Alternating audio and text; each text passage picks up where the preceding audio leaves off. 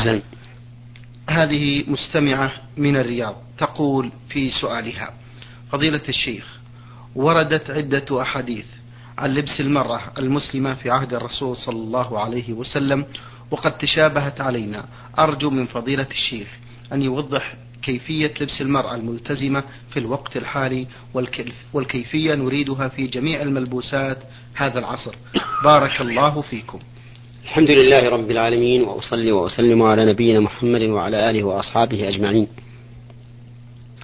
قبل الإجابة على هذا السؤال أود أن أذكر قاعدة مفيدة في هذا الباب وهي أن الأصل في الألبسة الحل والإباحة حتى يقوم دليل على التحريم. لقول الله تبارك وتعالى يا بني آدم قد أنزلنا عليكم لباسا يواري سوآتكم وريشا ولباس التقوى ذلك خير ذلك من آيات الله. ولقوله تعالى قل من حرم زينة الله التي أخرج لعباده والطيبات من الرزق. قل هي للذين آمنوا في الحياة الدنيا خالصة يوم القيامة. فهذه القاعدة يجب أن نبني عليها حكم ما يلبسه الرجال والنساء. فنقول الأصل في ذلك الحل حتى يقوم دليل على التحريم. ومما جاءت الأدلة بتحريمه أن تلبس المرأة لباسا يختص بالرجل أو يلبس الرجل لباسا يختص بالمرأة لأن هذا يكون من باب التشبه. وقد ثبت عن النبي عليه الصلاة والسلام أنه لعن المتشبهات من النساء بالرجال والمتشبهين من الرجال بالنساء. هذا واحد. ثانيا مما ورد تحريمه التشبه بالكافرات. بمعنى أن يلبس الرجل لباس رجال رجال لباس رجال يختص بالكفار لا يلبسه غيرهم. أو تلبس المرأة لباسا يختص بالنساء الكافرات لا يلبسه غيرهن. فإن هذا حرام ولا يجوز لأن التشبه بالكفار محرم. لقول النبي صلى الله عليه وسلم من تشبه بقوم فهو منهم. ولأن التشبه بالقوم يؤدي إلى احترامهم في الظاهر وإلى اعتزازهم بتقاليدهم وما هم عليه.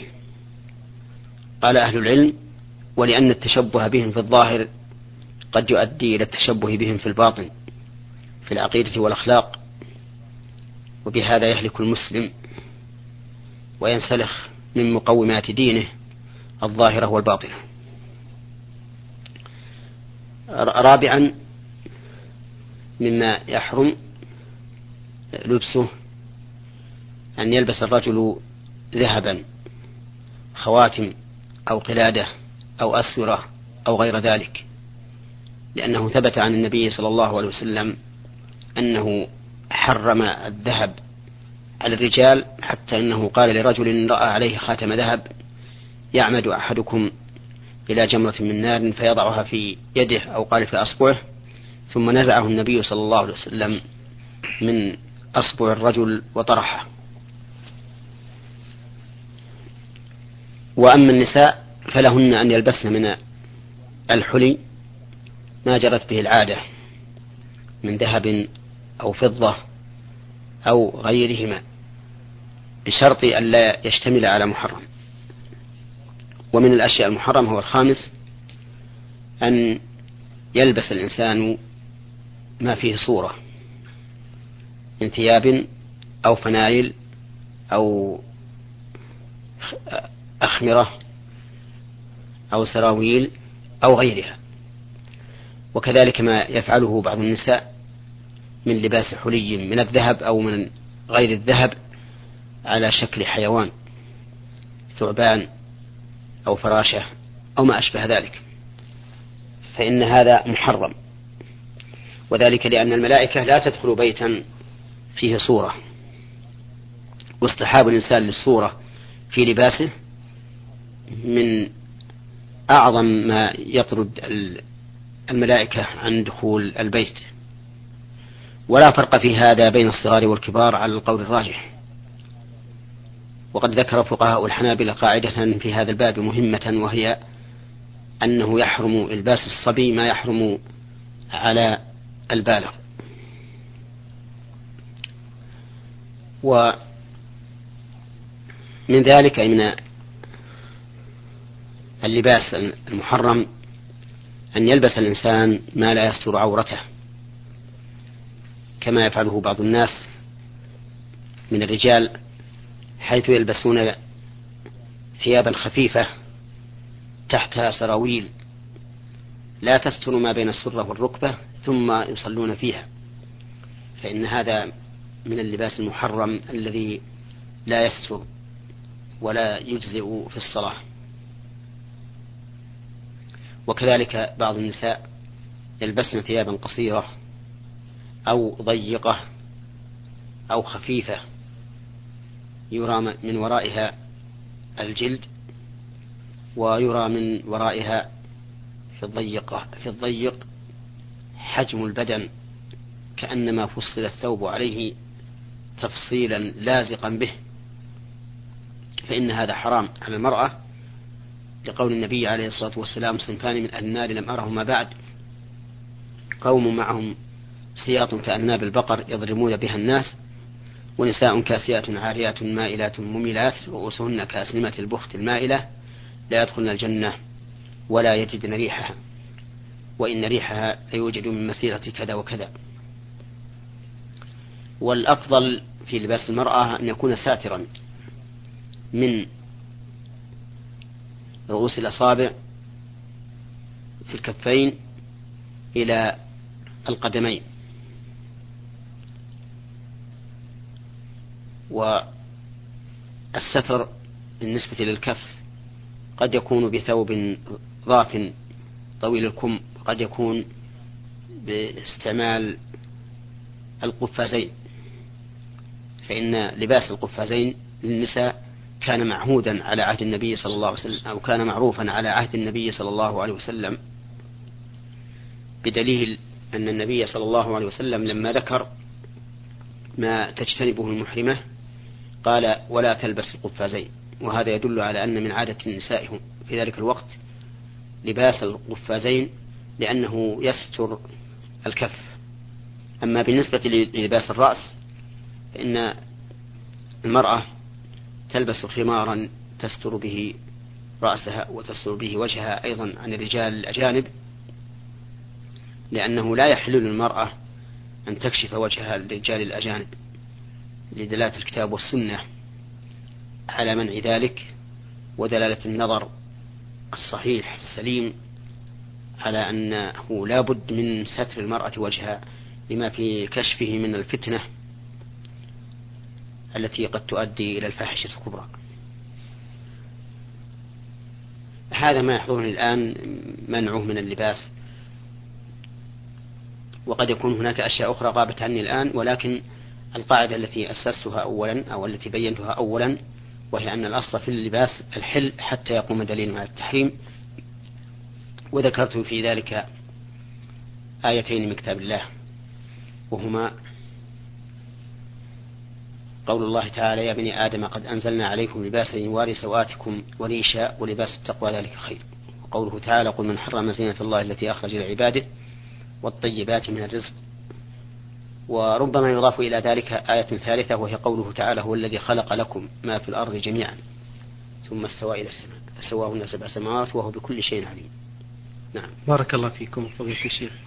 هذا مستمع علي أحمد سوداني يقول بأنه حصل بينه وبين زوجته خلاف وذهب إلى وذهبت إلى بيت والدها ومكثت فترة من الزمن هناك وأرسلت له يقول عدة رسائل تطلب فيها الطلاق وطلقها على حسب رغبتها وكتبت ورقة وكتبت ورقة الطلاق من شيخ في القرية أمام شاهدين وأرسلت لها.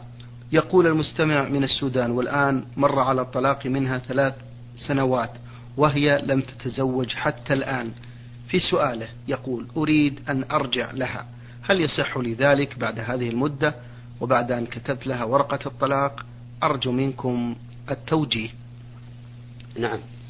يصح لك أن ترجع إليها بعقد جديد شرعي إلا أن تكون الطلقة التي طلقتها إياها هي الثالثة. فإن كانت هي الثالثة فإنها لا تحل لك حتى تنكح زوجا آخر. لقول الله تبارك وتعالى الطلاق مرتان إلى قوله فإن طلقها فلا تحل له من بعد حتى تنكح زوجا غيره. فإذا كنت راغبا في الرجوع إلى أهلك فاخطبها إلى إلى نفسك من جديد وأجل ما يجب إجراؤه للعقد الشرعي. ما لم تكن هذه الطلقة هي الطلقة الثالثة. هي الطلقة الثالثة فإنها لا تحل لك حتى تنكح زوجا آخر. ونكاح رابع. يعني نكاح تحليل ويفارقها بموت أو طلاق وتنقضي عدتها حينئذ تحل لك بارك الله فيكم. المستمع للبرنامج رمز لاسمه بعلي ألف ألف يقول ما حكم التوكيل في رمي الجمرات في الحج؟ فيقوم بعض كبار السن والنساء الكبيرات في السن بتوكيلنا نحن الشباب فنقوم بالرمي عنهم. هل يجوز لنا هذا؟ نقول إن رمي الجمرات نسك نعم من مناسك الحج. يجب على الحاج أن يفعله بنفسه لقول الله تعالى وأتموا الحج والعمرة لله. فكما أن الإنسان لا يوكل أحدا يبيت عنه في مزدلفة أو يطوف عنه أو يسعى عنه أو يقف عنه بعرفة فكذلك لا يجوز أن يوكل عنه من يرمي عنه. ولكن إذا كان الحاج لا يستطيع أن يرمي لضعف في بدنه أو لكونه كبيرا لا يستطيع. أو أعمى يشق عليه الذهاب إلى رمي الجمرة مشقة شديدة أو امرأة حاملا تخشى على نفسها وعلى ما في بطنها. ففي هذه الحال يجوز التوكيل للضرورة. ولولا أنه روي عن الصحابة ما يدل على ذلك من كونهم يرمون عن الصبيان لقلنا إن من عجز عن الرمي سقط عنه كغيره من الواجبات. ولكن نظرا إلى أنه ورد عن الصحابة أنهم كانوا يرمون عن الصبيان لعجز الصبيان عن الرمي بأنفسهم فإننا نقول وكذلك من كان شبيها بهم لكونه عاجزا عن الرمي بنفسه فإنه يجوز أن يوكل. ولكن ها هنا مسألة وهي أن بعض الناس لا يستطيع الرمي في حال الزحام. ولكنه لو كان المرمى خفيفا استطاع أن يرمي. فنقول لهذا لا يجوز لك أن توكل في هذه الحال. بل انتظر حتى يخف الزحام حتى يخف الزحام فترمي إما في آخر النهار وإما في الليل لأن القول الراجح من أقوال أهل العلم أن الرمي في الليل في النهار الفائت لا بأس به. فيمكن للإنسان أن يرمي في اليوم الحادي عشر بعد غروب الشمس أو بعد صلاة العشاء. وفي هذا الوقت سيجد المرمى خفيفا يتمكن من أن يرمي بنفسه. نعم. بارك الله فيكم. سؤال من مستمعة للبرنامج تقول ما الحكم ما الحكمة من المسح على الخفين؟ الحكمة من المسح على الخفين هو أن هذا المسح يقوم مقام غسل الرجل وذلك لأن الواجب على الإنسان في الوضوء أن يطهر أربعة أعضاء الوجه واليدين والرأس والرجلين فمن رحمة الله تعالى بعباده أن الإنسان إذا كان لابسا جوارب أو خفين فإنه لا يكلف أن ينزعهما ثم يغسل قدميه لما في ذلك من المشقة في في النزع والإدخال مرة أخرى وستكون الرجل أيضا رطبة بالماء فيترطب الجورب أو الخف فيزداد أذى بهذه الرطوبة.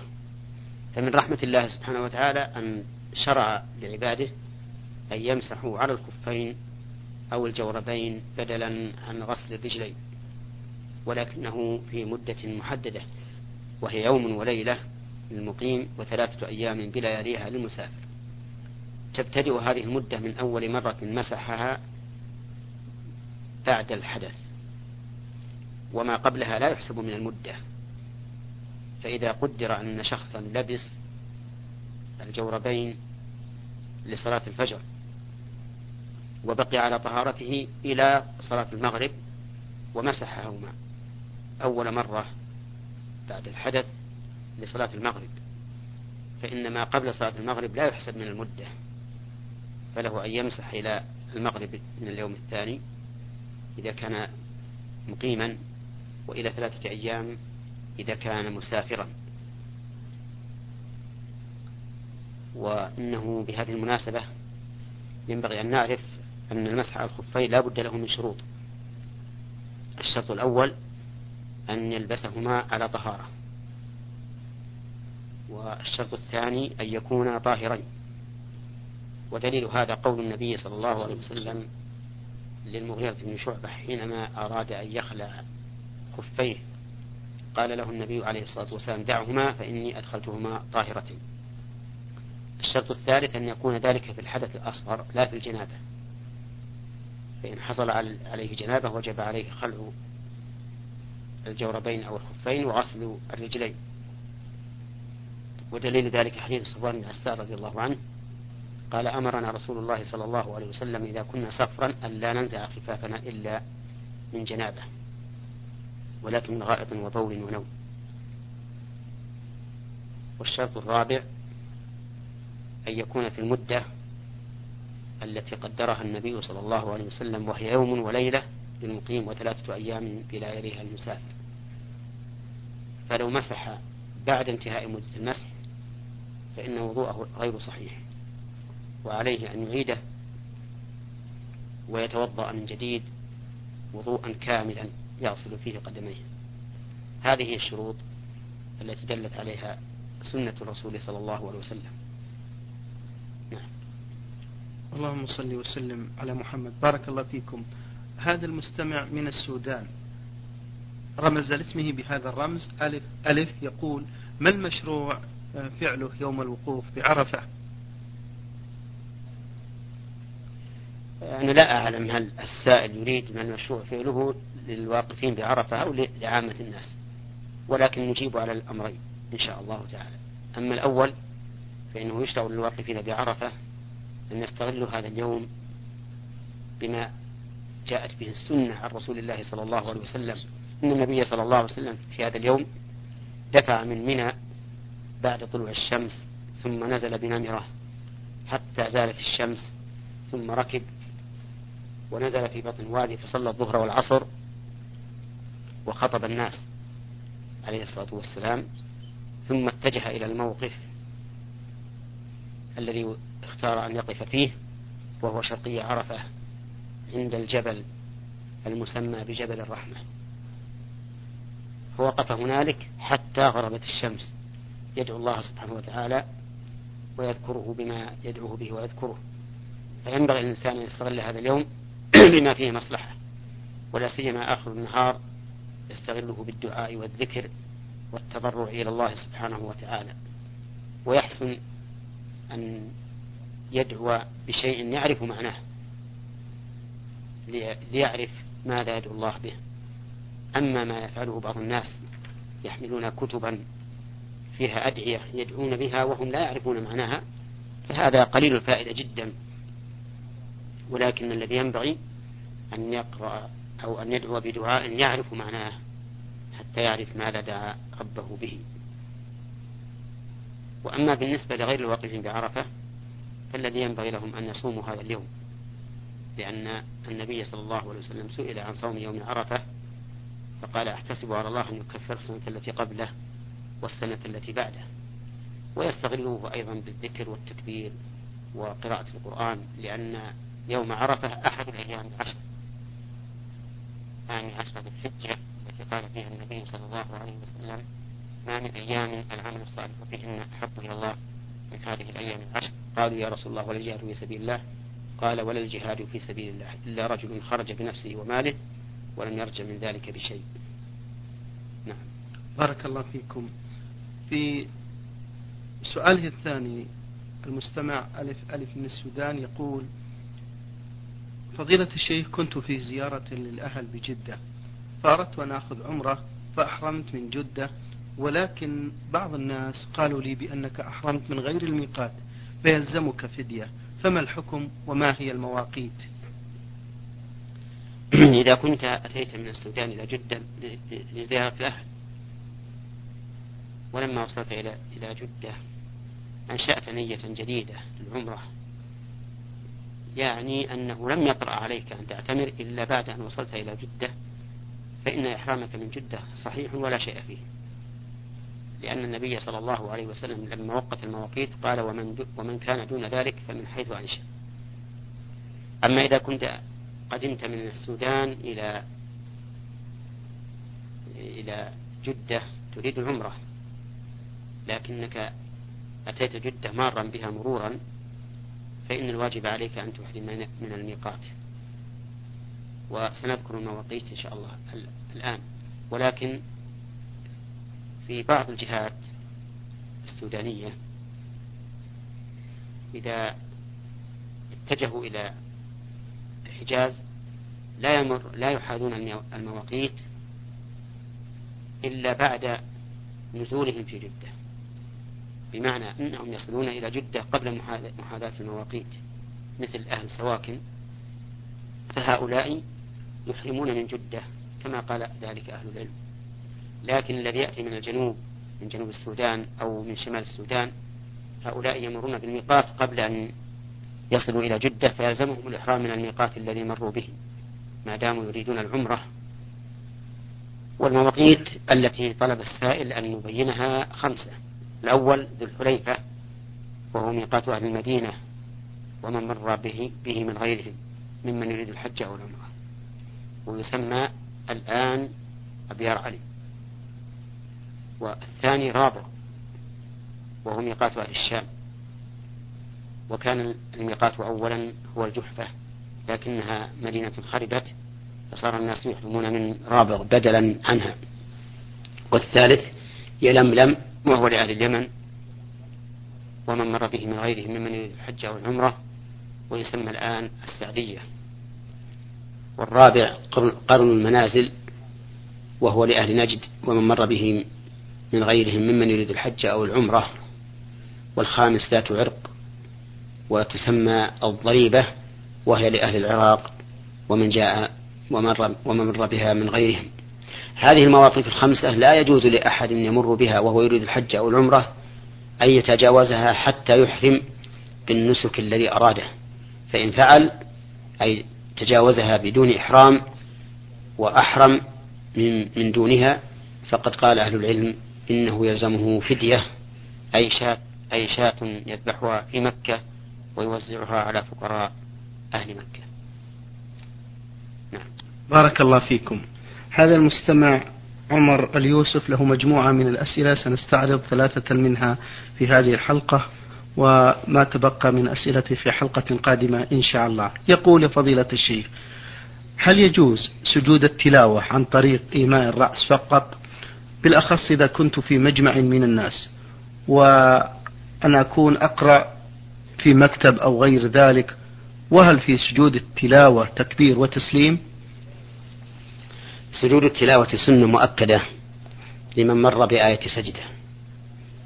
وقد قرأ عمر بن الخطاب رضي الله عنه آية السجدة في سورة النحل يوما وهو يخطب الناس على المنبر فنزل فسجد وقرأها في الجمعة الثانية فلم ينزل ولم يسجد وقال إن الله لم يفرض علينا السجود إلا إلا أن نشاء. وبهذا الأثر عن عمر بن الخطاب رضي الله عنه في مجمع من الصحابة دليل على أن سجود التلاوة ليس بواجب لكنه سنة مؤكدة. فيسجد الإنسان على الأرض على الأعضاء السبعة لعموم قول النبي عليه الصلاة والسلام أمرنا أن نسجد على سبعة أعظم على الجبهة وأشار بيده إلى أنفه والكفين والركبتين وأطراف القدمين. فلا, فلا يتم السجود إلا بهذا. إلا إذا كان الإنسان عاجزا ف فإنه يومي إيماء. أو إذا كان مسافرا فإنه وقرأ وهو على راحلته فإنه يومئ بالسجود. أما إذا كان نازلا غير مسافر أي إذا كان مقيما فإنه لا يصح منه السجود حتى يسجد على الأرض على أعضائه السبعة التي بينها رسول الله صلى الله عليه وسلم. وهذا السجود لا يحتاج إلى تسليم وإنما فيه تكبيرة واحدة عند السجود فقط. وإذا قام من السجود فإنه لا يكبر ولا يسلم. إلا إذا إلا إذا قرأ السجدة وهو يصلي فإنه يجب أن يكبر عند السجود وعند الرفع من السجود. وقد ظن بعض الناس أن سجود التلاوة لا يسجد له لا يكبر له عند الرفع منه حتى في أثناء الصلاة ولكن هذا ظن ليس بصحيح. بل إنه إذا كان في صلب الصلاة أخذ حكم سجود الصلاة أي أنه يكبر إذا سجد ويكبر إذا رفع. ودليل ذلك أن جميع الواصفين لصلاة الرسول صلى الله عليه وسلم الذين يتكلمون عن تكبيره في الانتقالات يقولون إنه يكبر كلما خفض وكلما رفع. ومن المعلوم أن النبي صلى الله عليه وسلم يقرأ آية السجدة في الصلاة ويسجد فيها كما ثبت ذلك في الصحيح من حديث أبي هريرة رضي الله عنه أن النبي صلى الله عليه وسلم قرأ إذا السماء انشقت وسجد فيها في صلاة العشاء وعلى هذا فنقول إذا مرت بك آية السجدة وأنت في صلاة فلا بد أن تكبر إذا سجدت وإذا رفعت. أما في غير الصلاة فإنك تكبر إذا سجدت ولا تكبر إذا رفعت ولا تسلم. وتقول في هذا السجود سبحان ربي الأعلى. لعموم قول النبي عليه الصلاة والسلام حين نزلت قوله تعالى سبح اسم ربك الأعلى اجعلوها في سجودكم. فتقول سبحان ربي الأعلى سبحانك اللهم ربنا وبحمدك اللهم اغفر لي وتدعو بالدعاء المعروف. اللهم لك سجدت وبك آمنت وعليك توكلت. سيد وجهي لله الذي خلقه وصوره وشق سمعه وبصره. فتبارك الله أحسن الخالقين. اللهم اكتب لي بها أجرا وضع عني بها وزرا واجعلها لي عندك ذخرا وتقبلها مني كما تقبلتها من عبدك داود. وإن لم تحسن هذا الدعاء فادعو بما شئت. نعم. بارك الله فيكم فضيلة الشيخ. المستمع عمر اليوسف سوف نستعرض ما تبقى من أسئلتك في حلقة قادمة إن شاء الله نظرا لانتهاء حلقة هذا الأسبوع. شكرا لكم أنتم إخوتنا المستمعين الكرام و